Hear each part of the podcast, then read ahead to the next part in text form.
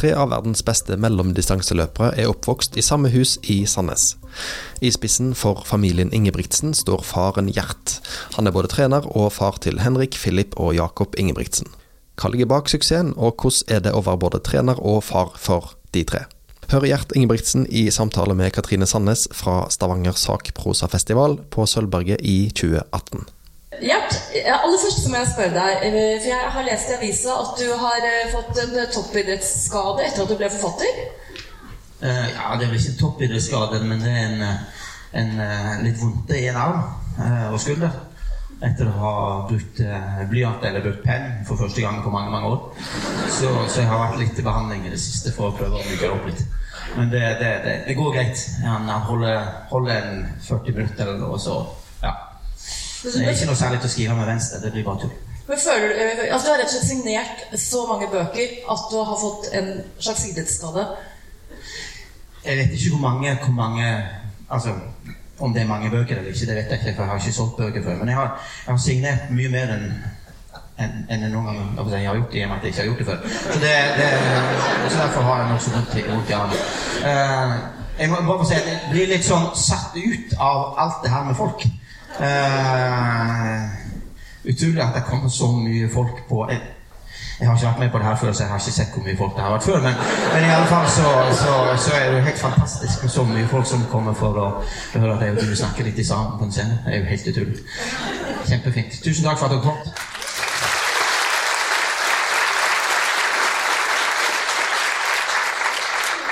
Hvordan kjennes det for en mann fra Sandnes å være den mest populære i Stavanger?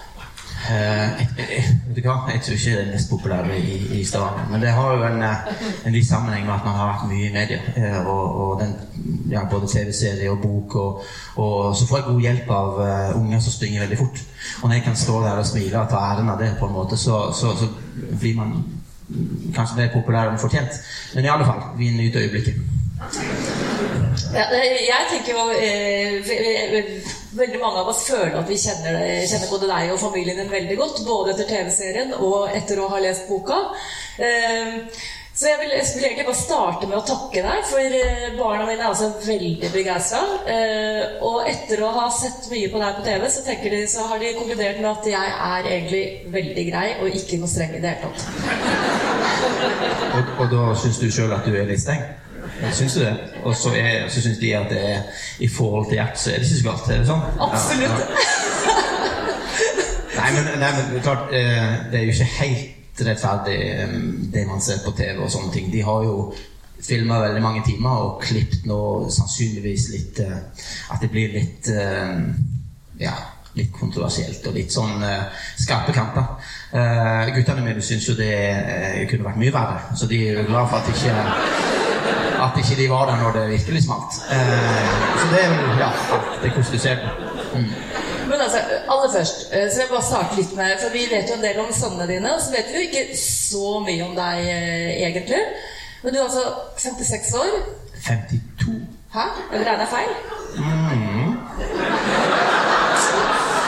Født i 1966. Ja, jeg driver med, jeg driver med bokstaver. Jeg driver ikke med tall. 52, beklager. 52. Snart 53. Ja. Syv barn? Ja.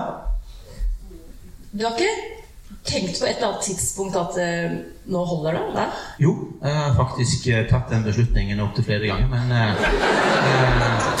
jeg er ikke alene om beslutningen. Så i en avstemning så blir jeg nedstemt hver gang, og da har det blitt som det har blitt, og jeg er veldig glad for det. Jeg er veldig glad for alle de gangene jeg er blitt nedstemt når det gjelder det. Ikke alltid er jeg like fornøyd med å bli nedstemt, men akkurat når det gjelder det, så er jeg godt fornøyd. Og så har du trent tre av barna dine til å bli europamestere på 1500 meter, eh, som jo man si, var en distanse vi i Norge ikke har hatt noe særlig sterkt forhold til tidligere. Eh, men, men før, før, du ble uh, den Gjert Ingebrigtsen vi innbiller oss at vi kjenner, hvor, hvor var du i verden da? Hvor, hvor kom du fra? Vi kommer fra en bygd på Eh, østkysten av Finnmark som heter Båtsfjord. Der det bor ca. 2000 mennesker. Og det er jo født på, på 60-tallet, og det er en sånn fiskeribygd. Eh, jeg mista min far da jeg var fire. Jeg har to søsken. Ei søster som er to år yngre, og ei søster som er to år eldre. Og ja, oppvokst i nokså med litt tøffe kår, i og med at min mor var alenemor med tre barn i Øst-Finnmark og, og jobbet døgnet rundt for å forsørge oss. Så det var mye alenetid og mye tid med mine besteforeldre. Så der bodde jeg til jeg var 13. Så flytta vi til, her nede til, til Sør-Vestlandet. Og um, ja, jeg for så vidt en grei oppvekst, men ikke drevet med idrett. Det har jeg ikke gjort. Det ingen i min familie som har holdt på med det. Jeg har vel aldri kjent noen som har drevet med idrett. eh, Så det var nokså ukjent for oss før, eh, før ungene begynte på en måte å ja, og røre seg i det, sånn som unger gjerne gjør, med, med, med fotball og alt det som helt fra du er seks år gammel, og sånn, ja, som de fleste holder på med. Men uh, på et punkt der så tok man det litt lenger enn vanlige folk, kan man vel si. Men, men før, før du fikk barn som begynte med idrett, så møtte du en dame. Ja, du var nettopp her. Hvor ble du av? Rekk opp hånda. Der var du! jo, jeg, jeg traff henne da jeg var, eh, hun var 16 da jeg var 20, eller noe sånt. Pluss minus. Så uh, hun har jeg uh, vært gift med i over 30 år. Uh, og det har vært en, synes jeg for min del, en god match. Ja, jeg var heldig med den. Vi fikk unger veldig tidlig. og hadde ikke noe familie eller noen ting i nærheten, så vi har på en måte Hva skal jeg si vokst sammen med ungene våre på et vis. Eh, og ikke sånn, som, sånn, ikke sånn som våre unger har det, der de har putet ut så langt opp under armene og sånn. Og vi hadde ingenting sånt. Så vi har på en måte gått den tunge veien. Eh, så det har vært en eh, Og når jeg forteller ungene mine i dag hvordan vi hadde det når de var, var mindre, så tror de ikke et ord på det. Eh, at det var, det var en tøff sak. Å være så unge og ha så mange barn og, ja, og ikke noen til å hjelpe til. Eh, og det står der også en del om i boka. Det er en veldig fin erfaring å ta med seg. At du ikke tar ting for gitt. Du må jobbe, jobbe veldig tøft for alt det du skal alt det du skal oppnå. Det er ingen som kommer til deg med noen ting. Hverken uh, uh, ja, på den ene eller andre måten. Skal du ha noe, så må du jobbe for det. Og sånn er det. Og det prøver vi på en måte har prøvd alltid å overføre det til ungene våre. Eh, at det er ingenting som kommer gratis. Det er kun hardt arbeid. Nei, for det, det er jo eh, Jeg tenker, tenker at det, det du skriver, skriver der om, eh, om oppveksten din og barndommen din, som si som jo skiller seg jo en del fra det de fleste barn opplever i dag. Og lite kjøring til og fra eh, for din del. Ja, vi, hadde jo ikke bil, sånn at eh, jeg måtte enten løpe eller løpe. Det var, det var det, så vi, vi, sprang mye i oppveksten, for det var relativt store avstander, så du måtte på en måte ja, Hvis du kommer den veien, så måtte du springe. Så det har jeg gjort mye. Men det er ikke for å bli god i noe, men mer for å komme seg fra til til Mm. Så ja, det var ingen som sto klar med bilen. eh, Og har aldri hatt det privilegiet. Så ja. For det, det er jo noe jeg lurer på. Hvis vi, før vi begynner å snakke om trenergjerningen, snakke litt om det å være pappa. For jeg opplever at boken din eh, beveger seg veldig sterkt i det spennet mellom å være trener og å være pappa. Og den, den de, konflikten mellom de to, de to rollene er jo gjennomgående. Den starter på en måte der og slutter, slutter der. Eh, altså, da jeg fikk barn for eh, 12-13-14 år siden, noe sånt nå, jeg er litt dårlig med tall, så, eh, så var liksom den rådende filosofien med barneoppdragelse det var Jesper Juels idé om at eh, barnet er kompetent. Eh, Man skal lytte til barnet og behandle barnet som et, som et kompetent og forstandig menneske som man forhandler mye med. Jeg tenker at Det, det høres ikke helt ut som deg. Nei, det har nok ikke vært så mye forhandlingsgreier i vår familie. Har, forhandlingen har på en måte skjedd mellom meg og Tone, ikke så mye med barna. For vi, vi, um, vi visste nok ikke så mye om hva som var den rådende filosofien når det gjelder barneomsorg og barneoppdragelse. Men vi, på samme måte som vi ikke visste hva som var den rådende filosofien når det gjaldt idrett, så visste vi ikke det heller når det gjaldt barneoppdragelse. Vi har på en måte følt vår egen uh, måte å gjøre ting på. Um, vi har gitt ungene opp gjennom året et veldig stort ansvar for egen eh, utvikling eh, på alle mulige plan. Um, ikke veldig mye oppfølging i forhold til skole og de tingene der. Etter hvert som de kommer opp i ungdoms- og videregående skolen, så har vi på en måte bakka ut, for da Ja.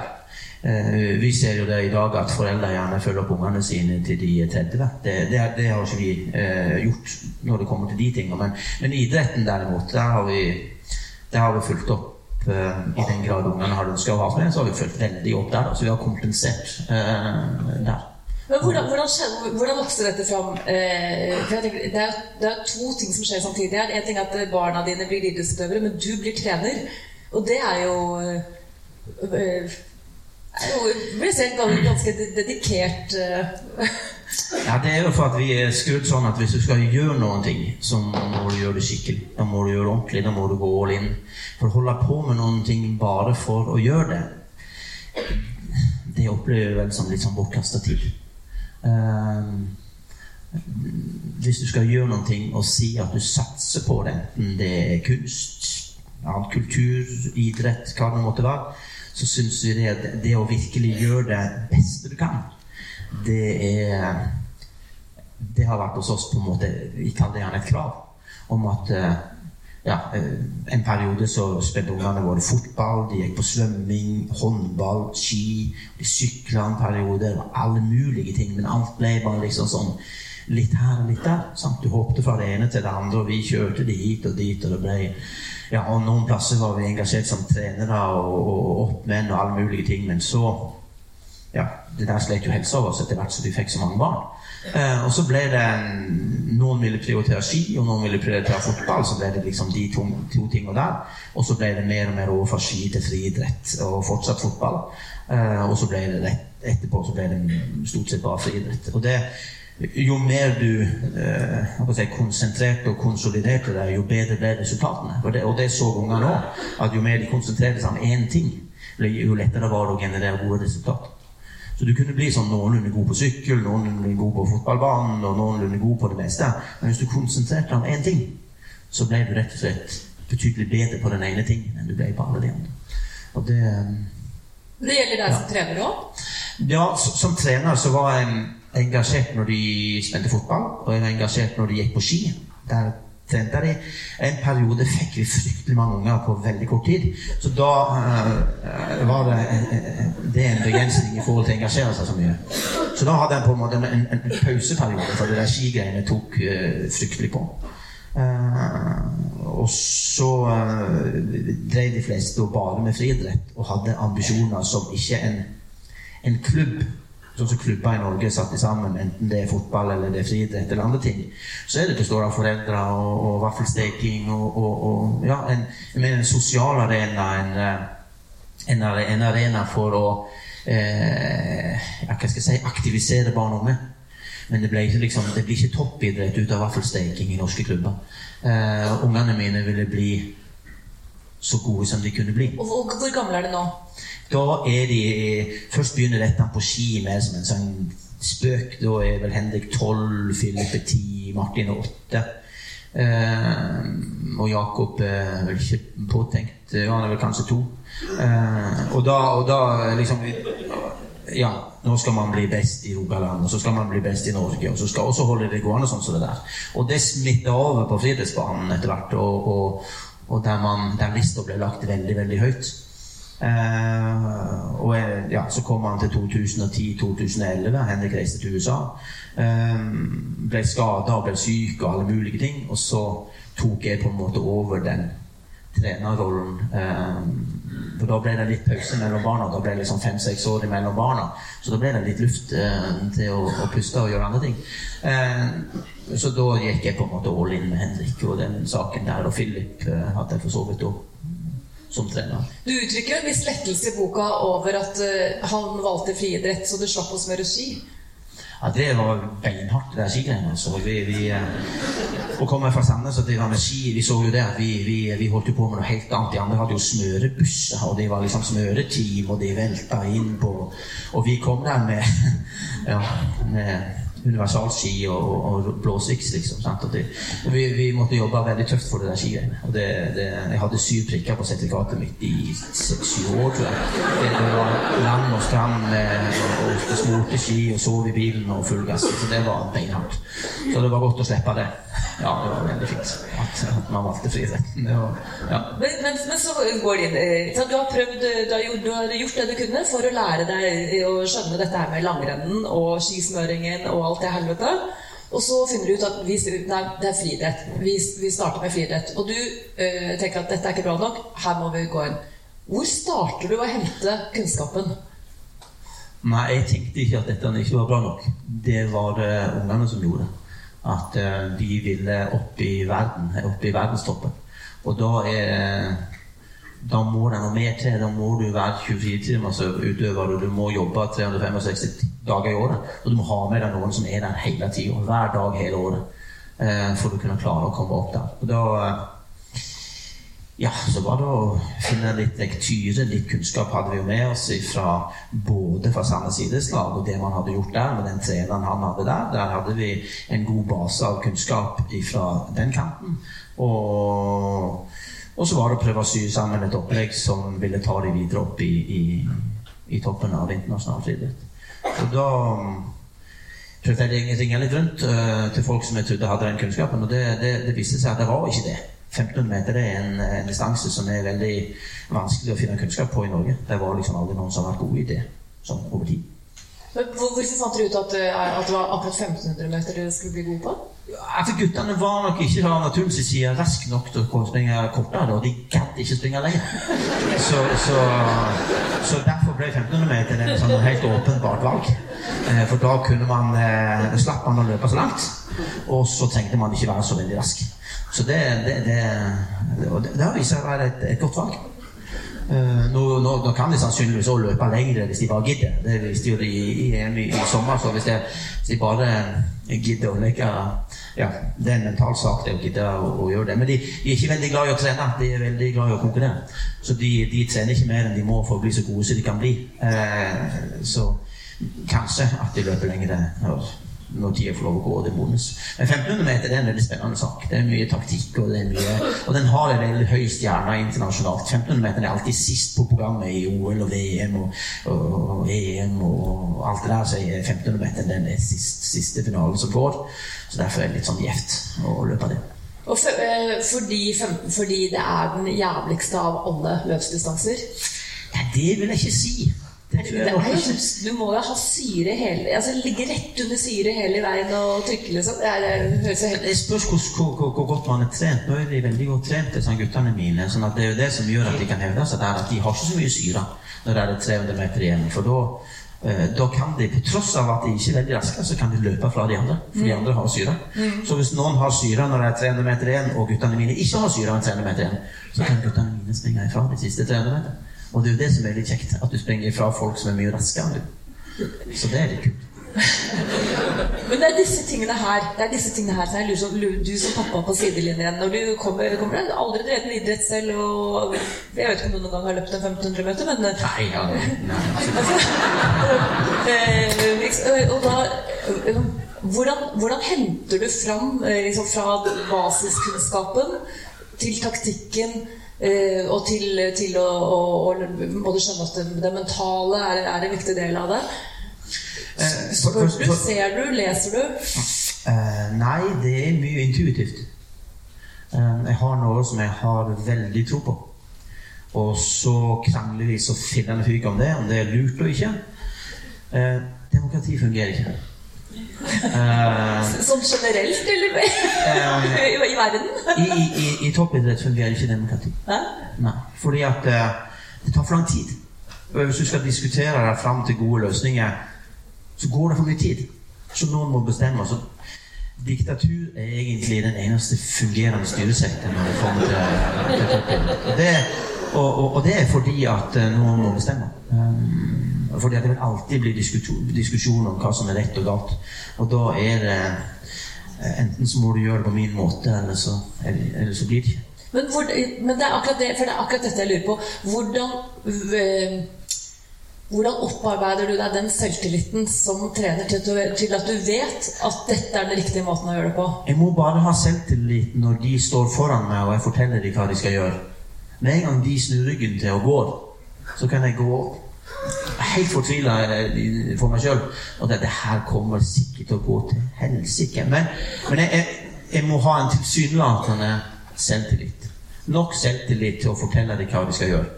Og så må jeg ta den smellen som eventuelt kommer hvis det går galt. Um, jeg er ikke full av selvtillit, um, men da har jeg noen jeg ringer til. Jeg har en god venn um, som jeg fant for noen år siden, som heter Ørjan Madsen. Som er en som jeg ringer til når alt ser mest fortvila ut. Eller at jeg veldige diskusjoner med guttene, eller uansett hva det er, så ringer jeg til han. Og jeg bruker han som sånn delvis mentor og psykolog. Uh, og det fungerer veldig godt.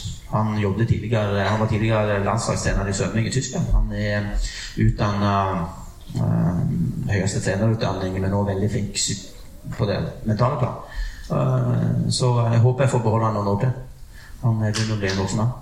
Men, eh, men, eh, det er sånne som jeg bruker nå, og det er sånne som jeg har brukt egentlig eh, alltid. Har aldri brukt noen som har drevet som trenere eh, med det vi holder på med, eller som utøver. Jeg har brukt ham eh, eh, fordi at det finnes ikke kunnskap på det vi gjør i Norge. Men noe, noe, av det du forteller om at guttene dine gjør, de, eh, altså, eh, og Ingrid nå eh, at de, Du burde si at når de er veldig unge og de skal bestemme seg for om de faktisk vil dette, så begynner de å trene, altså begynner å trene og begynner å leve innenfor strukturen mm. av det som skal til for å bli toppidrettsutøver. Mm. Men ikke, det, er, det er ikke egentlig hard trening, men det å lære seg at hvis du skal bli god, så må du trene da og da mm. og da, og du må prioritere. Det, det, jeg tenkte at det var, hadde føltes veldig lurt ut. Det vet jeg jo ikke. Uh, men vi følger den samme malen på henne som det vi har gjort på Jakob. Så han, fra han var 11-12 til han var 14, så besto mesteparten av treningen uh, i å leve i en struktur som, som en toppidrettsutøver. Vil si at tid du står opp, hva tid du legger deg, hva tid du spiser, hva tid du trener. Innholdet i treningen det er ting som du kan utvikle over tid. Uh, men, men, det å lære seg å leve som en toppidrettsutøver tidlig for å se om det her er noe du kan trives med. Hvis du ser tidlig at det her er ikke noe jeg kan trives med, eh, så kan du kutte det ut. Så kan du si at jeg kan heller finne på noe annet, så kaster du ikke bort verken din eller min tid. Og det er, der er Ingrid nå. Hun eh, ble tolv i mai. Så nå bruker jeg mye tid på henne og snakker med henne om, eh, om dette må være toppidrettsutøver, hva det innebærer. Uh, hun ser jo en del på brødrene, og, og det å velge vekk Det å velge vekk venninnene det å velge vekk eh, sosiale sammenkomster. Og vi setter det litt på spissen. Vi gjør noe mer ut av det enn det som er nødvendig for å ta en beslutning tidlig. Det å modnes i, som toppidrettsutøver så tidlig som mulig, det tror jeg er ekstremt viktig. For at Når du da først har bestemt deg for at du skal bli noe, så legger du vekk alt annet, og så går du all in for det. Så hvis du skal holde på når du er 15, 16, 17, 18 og sier skal jeg gå på den festen, skal jeg gå på den sammenkomsten, skal jeg ta den eksamen, eller skal jeg Altså De tingene må vekk før du kommer dit at du skal øke treningen eh, til å bli verdens beste. Mm. Det, må være, det, må du være ferdig med. Mm. Eh, du skriver, eh, du skriver, også at uh, vinnerskalle er noe man har. Det har ikke noe med arv eller miljø å gjøre. Uh, av barna deres er det noen som, bare, som, har hatt det. Som har vært opptatt av å uh, Er det ikke ordet vinnerskalle du bruker? Jo, jeg bruker vinnerskalle, men jeg bruker òg dette med, med vinnerkultur og, og, dette med egoet. Det å kunne ja. å gi tilstrekkelig plass til egoet. Eh, og i vår, vår, familie så er det sånn at vi, vi gir plass til egoet, men samtidig så skal vi ha ordentlige folk. Det er viktigere for, for oss å oppdra ordentlige folk enn å oppdra gode idrettsutøvere. Fordi at um, ordentlige folk altså, som, som tar sitt ansvar i samfunnet, og som fungerer i både sosiale settinger og eh, altså oppfører seg ordentlig og er skikkelige mennesker. Det er mye viktigere for oss som foreldre enn at de løper fort. Mm. Så vi prøver begge delene. Uh, du må gi tilstrekkelig plass til egoet for at de skal få utvikle egoet sitt og få den selvtilliten og få den, den vinnermentaliteten som skal til. Men du skal samtidig stille krav om at de skal fungere som, som folk og ha respekt for andre. De skal ha empati, og de skal ha de egenskapene som skal til for å fungere som folk. Mm. Men er det, er det, sånn når du, når du ser tilbake på, på, guttene dine, hvor tre har blitt toppidrettsutøvere, og to ikke ble det og ifølge deg, det, så er den ene av de to eh, som ikke eh, driver med idrett i dag, var det aller største talentet, men han likte ikke å konkurrere. Ja. Men så er det, er det sånn at man, Når du tenker tilbake nå, så kan du på en måte se på dem hvem av dem som hadde den driven til å ville gå all in? Ja, men, men, samtidig så har vi fått noen overraskelser òg der. For det er klart det, eh, Philip har på en måte overraska oss litt. For han har ikke hatt den eh, kan si, den framoverlente, den der eh, ekstreme, vinner, ekstreme vinnerviljen. Han, han, har ikke hatt utprega. Han har vært litt mer, litt mer tilbakeholden. Eh, og allikevel så har han på en måte gjort det som skal til. Mens Henrik har vært den på den andre ytterkanten som har en sånn ekstremt vinnerinstinkt på alle arenaer. Han, kan ikke, han kan ikke leve med å Han har en datter som snart blir to. Jeg tror ikke han kan la henne slå seg på en eh, ja, De løper over stuegulvet engang. Altså, han, er, han er ekstrem på det der. Uh, mens, mens, mens de andre er ikke fullt så ekstreme. Så pakkeleken var ikke bare bare når de der når de var yngre. Så det, ja. Eh, og, og, det det er klart du, du, du, skal ha en vinnerskalle, men, men det skal balanseres opp. Du skal kunne fungere. Mm. Jeg, jeg, jeg syns det er interessant når du ser de tre, de tre sønnene som løper. Eh, som, eh, sett, når man, ved første øyekast kan man tenke at de er tre halen av samme stykke. Men de er jo egentlig veldig forskjellige. De er veldig forskjellige. Ja. Det, altså Både utseendemessig og av lynne så er de veldig forskjellige. Vil du si fysisk også, eller? Ja, definitivt. Eh, se på, Hvis du ser Henrik og Philip, så, så er de eh, to vidt forskjellige. Um, og Den ene er mørk, og den andre lys, og den ene er lang, og den andre ikke kort, men det er stor både uh, alle mulige ting. Og så er Jakob en plass midt imellom og har fått en del av egenskapene til Philip, men samtidig en del av egenskapene til Henrik. Sånn at uh, jeg har vært veldig heldig med han.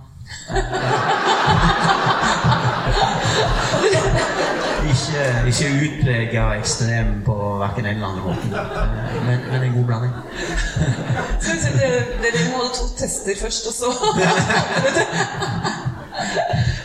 jeg, jeg syns det er litt interessant, for 1500 meter det er jo en øvelse man, hvor, hvor man fort kan tenke at de genetiske forutsetningene er så avgjørende at, uh, at fem, altså, ja, uh, uh, Det er litt gitt hvem som, hvem som, kan bli gode.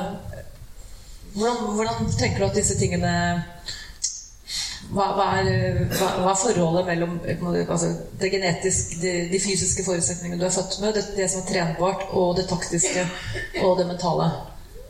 Altså Selv rett visuelt sett så ville jeg jo sagt at Philip definitivt ser ut som den beste løperen hvis du hadde sett han i, Når du ser han i helfigur, hvordan han er rakt og proporsjoner og sånn, så er det definitivt eh, eh, Philip var den beste løperen av, av de tre. Fordi han er langlemma? Ja, for, nei, fordi at han, han, ser mer ut som en uh, Altså det imaget vi gjerne har av en løper, hvordan han skal være, hvordan han skal se ut, hvordan han skal være lagd. Men så har du på den andre sida Henrik, som definitivt ikke ser ut som en løper. Han er gjerne litt ukoordinert og litt keitete. Han har en del andre faktorer som, uh, som Uh, ikke minst det mentale. Uh, at han har en ekstrem mental kapasitet som veier opp for Han har en X-faktor som ikke lar seg forklare på et fornuftig vis. Og det, det, ja, man, eh, det er ikke gitt hvem som, eh, hvem som blir best. Det kommer et par sesonger nå der jeg tror vi eh, skal se for første gangen at nordmenn løper under 3,30 på 1500 meter. Og, og, og hevde seg helt i den ypperste verdenstoppen. Har vi allerede sett det på, på Philip og på Jakob. Jeg tror Henrik melder seg på i 2019. Og ja, jeg skal ikke si hvem som til slutt kommer til å bli den beste. Men han heter Jakob? ja, nå ser, det jo, nå ser det jo litt sånn ut. Men, men, jeg tror at ting jevner seg litt ut uh, de neste årene. Sånn at det ikke gitt hvem som, hvem som sitter med familierekorden uh, om noen år. Det blir spennende. Da. Det begynner å bli veldig tett. Og det, det, er jo noe av det som jeg syns er, uh, som er, er, veldig fascinerende å se med, det, med den intense rivaliseringen. Og samtidig det intense samholdet. Da skulle jeg likt å vise en film som er Jeg lurer på om det bildet står i boka. Jeg bare har det så på netthinna. At um, det bildet der Jakob slenger ut rommet til Henrik på 5000 meter i Berlin uh, Noe som sier noe om samholdet. Noe som sier noe om brødreskapet stikker dypere enn konkurranse du kan si Henrik har slitt med skade i flere år, og, og, og Jakob vet at selvtilliten til Henrik ikke nødvendigvis er på topp. Mens Jakob han bobler over av selvtillit. Han har vunnet 1500 meter. Liksom, er ingen i verden som kan ta meg. Og så gir han litt av selvtilliten sin til Henrik og sier hvis du bare her har du neven min, du bare følger med til mål, så går det her veldig bra. Og den skjønner jo Henrik. Og så henger han med i ryggen på Jakob, og så tar han sølv der. Og klart, og det er vel egentlig um, viktigere for oss som foreldre å se at vi selv om de er konkurrenter, så har de allikevel med seg brødreskapet og familien med seg inn i løpene sine. Um, og hjelper hverandre til, til prestasjoner. Og det er veldig stort. Mm. Mm. Jeg tenkte jo, tenkte jo da så det, dette må være eh, deres aller største øyeblikk som, foreldre, som foreldre og trenere, hvor alt går opp i en høyere enhet. Eh, en høyere enhet, det, det, det vet jeg nå ikke. Men, men, eh, men, klart det er et av de største øyeblikkene vi har hatt på idrettsbanen. Og jeg skulle bare ønske at Philip hadde vært der og kunne dele det med dem. Nå var han litt uheldig på, på vei inn der. Men, eh, men eh, sportslig sett så, så, er det definitivt et av de største øyeblikkene. Men som familie så er det jo helt ekstremt å kunne ha tre døde i et EM. Å stå der på startstreken og, og to stykker som tar medalje på den 1500 meteren. Nei, 5000 meteren. Det syns vi var ja. Så eh, eh, vi føler jo at det kommer litt tidlig. Eh, som vi ser for oss vi skal holde på i ti år til, iallfall. Så vi, vi, hvis, hvis, det skal bli enda bedre enn det var i EM i Berlin, så, så ja, Jeg er glad de selger alkohol på stadionene ute i Europa. Hvis ikke så hadde jeg vært fullstendig det, det er godt å ha noe Men altså, kan vi eh, prøve, prøve å komme litt, litt til bunns? Jeg tenker at her sitter det nok en del mennesker med ja, forhåpninger for sine egne barn, kanskje. Eller tenker at de skal plukke opp noen tips som de kan dra hjem og, dra hjem og prøve, prøve selv. hva, hva, tenker du? Hva, hva, øh, øh, hva, må være på plass for å kunne få, øh, få det beste ut av seg selv? Eh, det boka egentlig handler om. Mm. Eh, hvis du skal se i det store bildet, så handler boka om å oppdra folk til å tørre å sette seg høye mål.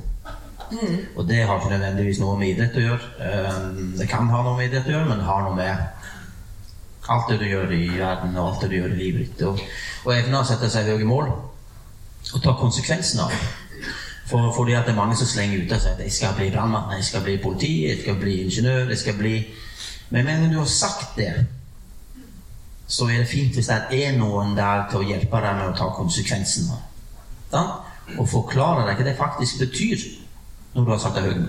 Det betyr at da må du gjøre sånn, sånn, sånn, sånn. sånn. Er du enig i det? Mm. Ja, jeg er enig i det.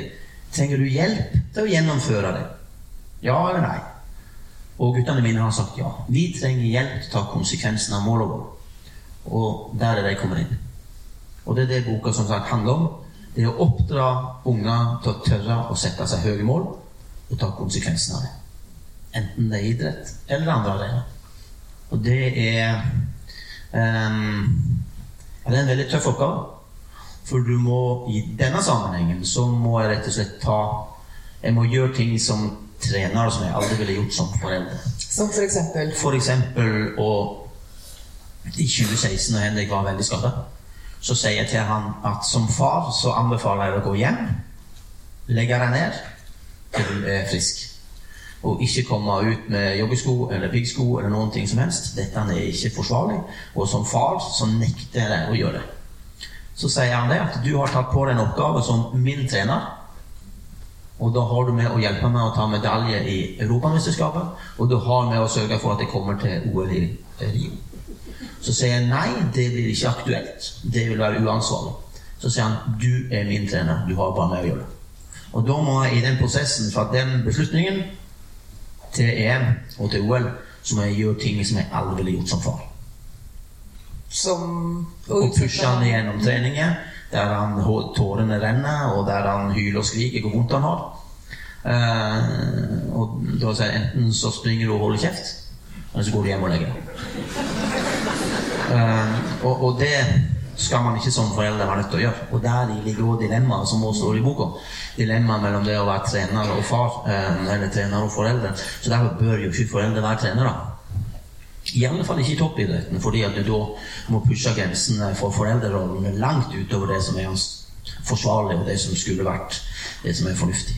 Men så er det, så er det en situasjon som, du, som, som er, går igjen det er når jeg tenker at Henrik kommer til deg som sønn og sier 'Jeg skal bli pappa'. Og du svarer, forhåpentlig som trener, og sier 'Er du helt idiot?'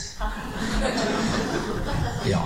Det, det, var nok ikke det smarteste. Det kom, det, kom, det kom, veldig feil ut. Og jeg har prøvd å, å, reparere på det så godt jeg kunne etterpå. Og det er klart, Den reaksjonen var ikke far, eh, og det var, det var treneren. Det kom veldig brått på meg. Jeg står på kjøkkenet og holder på med noe helt annet, og så kommer de seilende inn døra, og så får jeg den Vet du hva? Eh, vi er gravid. Og, og, da kommer det liksom sånn spontan reaksjon fra min side, og det, det var ikke særlig smart. Uh, så det Ja. Det, men, det, for, for, kan, kan, du prøve å forklare hva, hva er pulsen din uh, der og da? Altså, for Du står på hjemme på kjøkkenet ditt, du er ikke på løpebanen. Men er du trener, akkurat, trener inne på ditt eget kjøkken da? Ja, akkurat da var jeg en plass midt imellom. Um, trener og far, hvis det går an. Um, så det var flere ting på en gang. Uh, men jeg har jo sett uh, Jeg har faktisk endra syn på uh, det med å ha en kjæreste, det å ha noen å være glad i som ikke er en del av familien din. Um, og det gir en veldig god balanse. Og det var på en måte Jakob som har sagt, sagt det mest klart og tydelig til meg. Uh, og det å stå gjengitt i boka at han, uh, han, er nødt til å ha noen å være glad i for å få en god balanse i livet. Og hvis han ikke har, noen, han ikke har muligheten til å ha noen å komme hjem til å være glad i, så, så kan han ikke holde på med idrett. For da har han ikke en, en god nok balanse i livet sitt. Det syns jeg var godt sagt. Jeg tror han var 16, 16 år. Så da uh, jeg har endra syn på hvor viktig det er. Jeg burde jo visst det. Jeg har jo hatt en eh, å være glad i hele mitt liv, så jeg på en måte eh, Ja. Eh, så han må få lov til det, og det må de òg få lov til de andre. Og en del av det å ha noen å være glad i, og ha noen som man bor sammen med, det å, å stifte familie og få barn og alt det der. Og igjen til det som jeg sa i stad, vi er ute etter å, å lage ordentlige folk. Og en del av det å lage ordentlige folk er å ha et naturlig forhold til de tingene der. Sånn at det er en god ting. Enkelt og greit. Men Du skriver jo også at du har forandret deg litt med årene. Eh, heldigvis, hadde jeg sagt. Altså når, de, når, de, når, de, blir eldre Det er jo Det skulle bare mangle at du ikke snakker annerledes til dem når de er 20 enn når de er 9. Det er bare så vidt. Jeg har, et, et, jeg har nok en genfeil. Jeg har en tendens til å um, ikke nødvendigvis har forståelse for andres argumenter på alle områder. Eh, og, og, har nok et, et, eh, veldig klar og tydelig på hva som er rett og hva som er galt. Og, og har ikke så lett for å la meg overtale til det motsatte. Og det må jeg, jeg må bli bedre på det. Og, og hvert år når det nærmer seg nyttår, så har jeg masse nyttårsforsetter. Eh, og det ene er å ikke ha for mange fordommer. Jeg har altfor mange fordommer. Og, og det andre er å bli rett og slett lettere å ha med å gjøre i forskjellige sammenhenger. Eh, fordi at jeg har en tendens til å være eh, litt for brå og litt for frittalende. Og det er som regel eh, sånn at det er ikke det du sier, men måten du sier det på, som er Jeg skal ikke si det verste, men i alle fall det det kunne sagt det på en litt, mer, en litt bedre måte. Og det er noe som jeg må jobbe med. Og det er et av mine nyttårsfortsetter i år. Det har jeg i mange år. Så må bli bedre på det. Men du har, det virker som du har en hjemme som er veldig god på det, som du kanskje kunne lære av?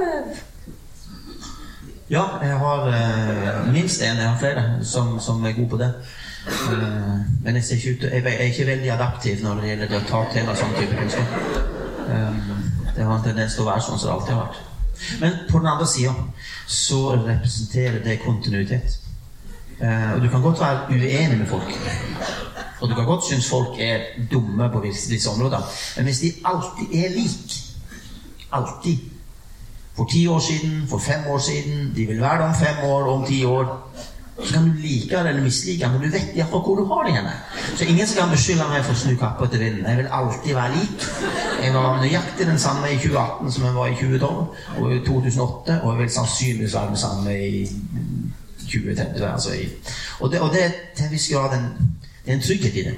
At det er noe som er stabilt. Der det er kontinuitet. Og så, så vil det være ting man ikke alltid liker med men det er iallfall det samme som det alltid har vært. Så du vet hvor du har det. Men Betyr det at den dagen, eh, hvis den dagen kommer, at ingen av dine barn lenger vil ha deg som, eh, som trener? Du har jo noen år altså Hvis yngstemann finner ut han skal satse, så har du, da har du, vet du hva du skal bruke, gjøre i alderdommen. Men, men, men, men hvem, hvem, hvem, vil du være da? Jeg håper jo at jeg om ikke så fryktelig mange år kan få lov å stort sett være far. For klart det er jo, jeg har gjort en betydelig bedre jobb som trener enn som far de siste åra. Uh, det er fordi at jeg har en tendens til å bli altoppslukende. Uh, fordi at du, jobber mot noen mål som er så tøffe at du, du, har liksom ikke så mye annet å holde på med enn jeg går jo på jobb, så jeg har liksom en, en, jobb som jeg skal gjøre, men etterpå det så, så, så er det mye fokus på de. Uh, men, men, jeg håper det kommer et tidspunkt der du ikke trenger å tenke på det i det hele tatt om, om, trening og om resultater og om alle de tingene som bare Jeg bryr meg egentlig ikke så fryktelig mye om idrett. Eh, jeg bryr meg om mye annet. Eh, men idrett er jeg ikke veldig opptatt av. For, dette syns jeg jo er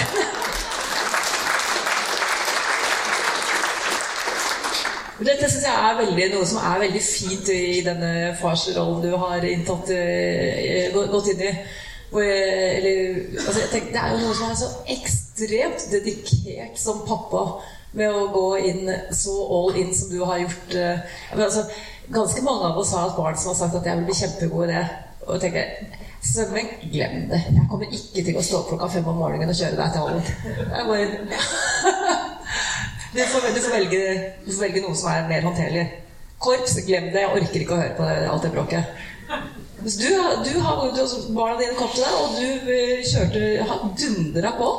Ja, men om jeg hadde gjort det samme hvis det var en uh, fiolin eller en kornett Det kan godt være, men, men uh, det, det, kan, det, kan, mye godt være. Og jeg står gjerne opp klokka fem og har gjort det i mange mange år, og både i skiløypene og i, i andre sammenhenger. Så, så uh, det, altså det kan godt være at det at jeg ikke har et far har gjort det at jeg eh, på en måte overdriver den farsrollen en smule når det kommer til å, å hjelpe dem. Men jeg, jeg, tror egentlig ikke nødvendigvis det har noen betydning. Jeg ville nok gått all in uansett hva det var.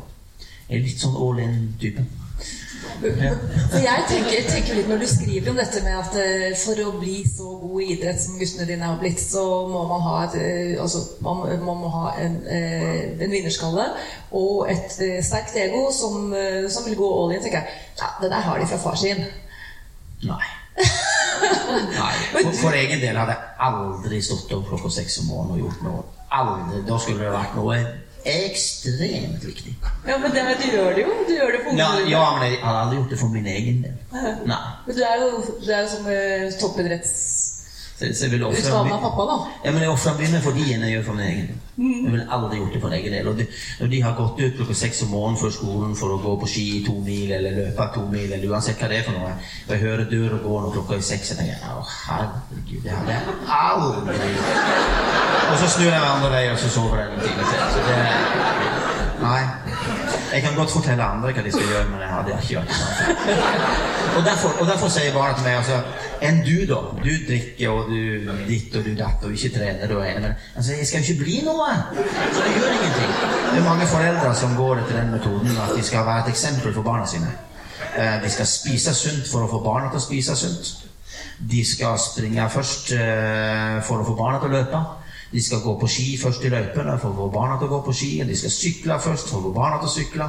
Jeg gjør ingenting av delene. Jeg står aldri med treningstøy på trening. Jeg spiser og jeg drikker nøyaktig det jeg har lyst på. Uansett hva det er. Så jeg kan sitte og trykke i meg en hamburger og drikke cola, mens de må sitte og spise salat og drikke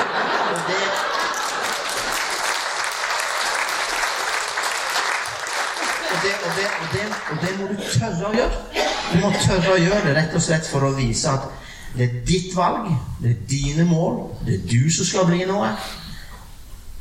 Hvis jeg skulle blitt noe, så hadde jeg sannsynligvis blitt det for Ja, jeg kan ikke bli det nå, iallfall. Men jeg skal ikke bli noen ting som helst. Mitt eneste mål er at du skal bli noe. For det er du som har satt det målet. Så jeg skal hjelpe deg å bli noe. Jeg kan bli 100 kilo, jeg kan bli 150 kilo. Jeg kan, jeg kan gjøre nøyaktig hva jeg vil, så galt som det kan bli. Og, og, og, det der når ungene slutter å si 'enn du', da, da har du oppnådd noe. For du skal ikke være et eksempel for barna dine. Har de sluttet med det? Ingrid holder fortsatt litt på med det der. Så hun er fortsatt i en prosess der du jobber med å forstå det at jeg skal ikke være hennes eksempel. Så det du snakker om, det er egentlig en veldig tydelig rolleavklaring både for utøveren og for treneren? Ja, for det er jo ikke mitt mål. Ja. Det er jo utøveren sin. Men du, du, kjenner jo du kjenner jo at du lykkes, du òg, når de lykkes. Ja, ja, men jeg deler jo målet deres. Eh, men jeg, jeg, jeg deler det, og jeg deler den ekstreme lykken de føler når de når målene sine. Og, og vi kan krangle, vi kan slåss, og det kan være ekstremt tøft, men eh, altså den dagen resultatene er nådd, så er alt glemt. Da begynner vi på null igjen. Og, og det er jo fantastisk. Det å legge bak seg alle konflikter og legge bak seg alt. Og liksom, da setter du en ny strek, du har blanke ark, og så begynner du på nytt igjen. Så liksom, det er jo en deilig følelse. Det hadde det vært motsatt, hadde vi slåss og krangla og så fillene fyker, og de ikke hadde nådd målene sine, og du skulle gått igjennom alle de diskusjonene en gang til og der, der tok du feil, der tok du feil, bla, bla, bla, bla, bla. Det hadde vært pyton. Men eh, tror du at du fortsatt eh, eh, Si det på en annen måte. Når du er pappa og trener, er det mulig for deg å få sparken? liksom? Ja. Jeg holdt på å få sparken som far her for et halvt år siden. Eh, For da hadde vi, da hadde vi en skikkelig feide, og da, da, eh, og da var, var guttene klare og tydelige på at uh, uansett hvordan det her går, så mister du ikke jobben som trener. Men altså liksom, men som far? Du, du, men som, Der var de veldig klare og tydelige på det at jeg gjorde en mye bedre jobb som, som trener enn som far. Så det, hvis jeg skulle få sparken fra noe, så var det ikke som trener.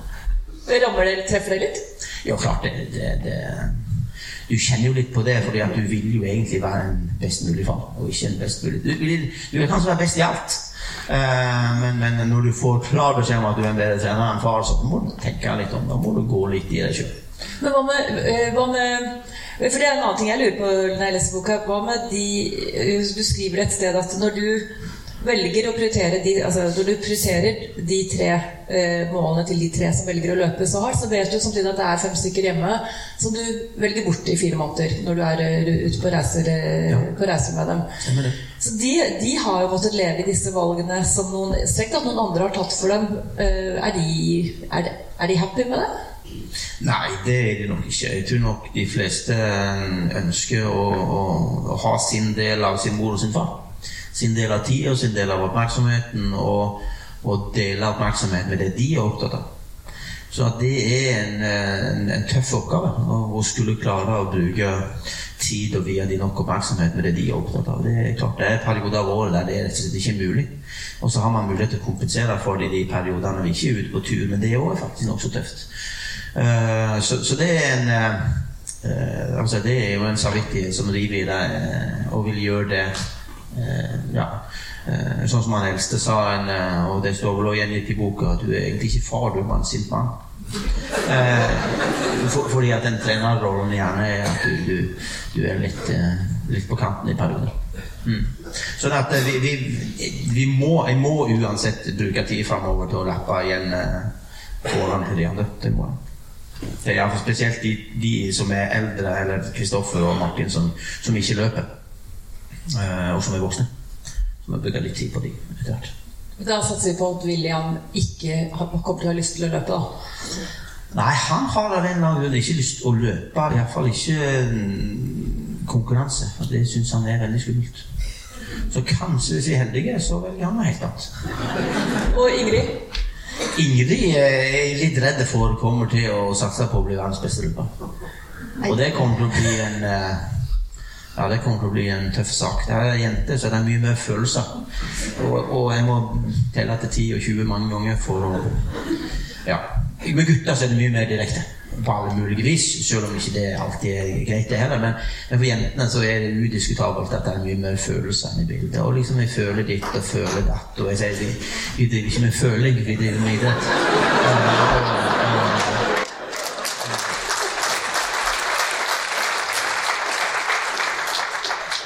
Men allikevel som jeg forholder meg til at det er en del følelser involvert. Så jeg må, jeg må håndtere det. Så det blir, eh, det blir en ting. Helt, helt til slutt, på baksiden altså, I boka så skriver du jo om eh, altså, det, ganske, det har ikke vært noen eh, motorvei fram til, fram til suksess. Altså, det har vært økonomiske problemer, eh, samvittighetskvaler bl.a. til de som er hjemme. Eh, det konflikten mellom å være trener, trener og, og ikke få nok tid til å være pappa osv. Så, så tenker, eh, la oss si da at alle legger opp i, legger opp i morgen. Er det verdt det? det er alltid verdt det. Når du, når du ser resultatene av, av, jobben som er lagt ned, så vil det alltid være verdt det. Men jeg kan si, når du har nådd noen mål, eh, så er det et veldig bra tidspunkt å si at nok var nok.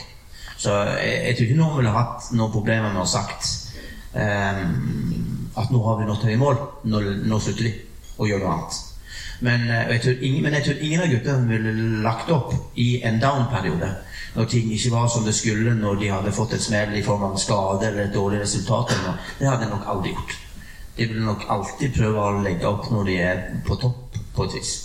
Så, så, og jeg tror det ligger litt i alle idrettsutøvere at det å legge opp når ting går dårlig, det er ikke noen god følelse å gå av med. De fleste tror jeg nok av idrettsutøvere vil legge opp når ting Når de har nådd et mål, så er det et Henrik han la opp på ski når han var blitt junior-norgesmester på ski. Da slutta han. Men da slutta han på dagen. Så gikk han ikke på ski mer etterpå. Og Det syns han var et veldig fint tidspunkt å slutte med ski. Og det er jeg helt enig med han i. For da slapp du kanskje å oppleve at ting var, var veldig kjent. Så at uh, han kunne nå, nå kanskje han slutte før han hadde vunnet en stor tittel. Henrik. For nå har han vært nede noen år, og han kan ikke slutte nå før han er på topp. Det, så det er jeg tror vi kommer til å holde på i mange mange år. Jeg tror, jeg, jeg tror jeg kommer til å, å ha hjulpet oss meg ut og inn av banene. Så det her kommer til å holde på lenge. Så Henrik kommer til å forfølge et eller annet øh, mesterskap han vil kunne vinne øh, fram til han er 62 og du går med rullator bak og skriker. Helt til han er best i familien, tror jeg. Jeg tror ikke han er seg for han er best i familien. Så jeg kan jo ta en stund. ja, bra.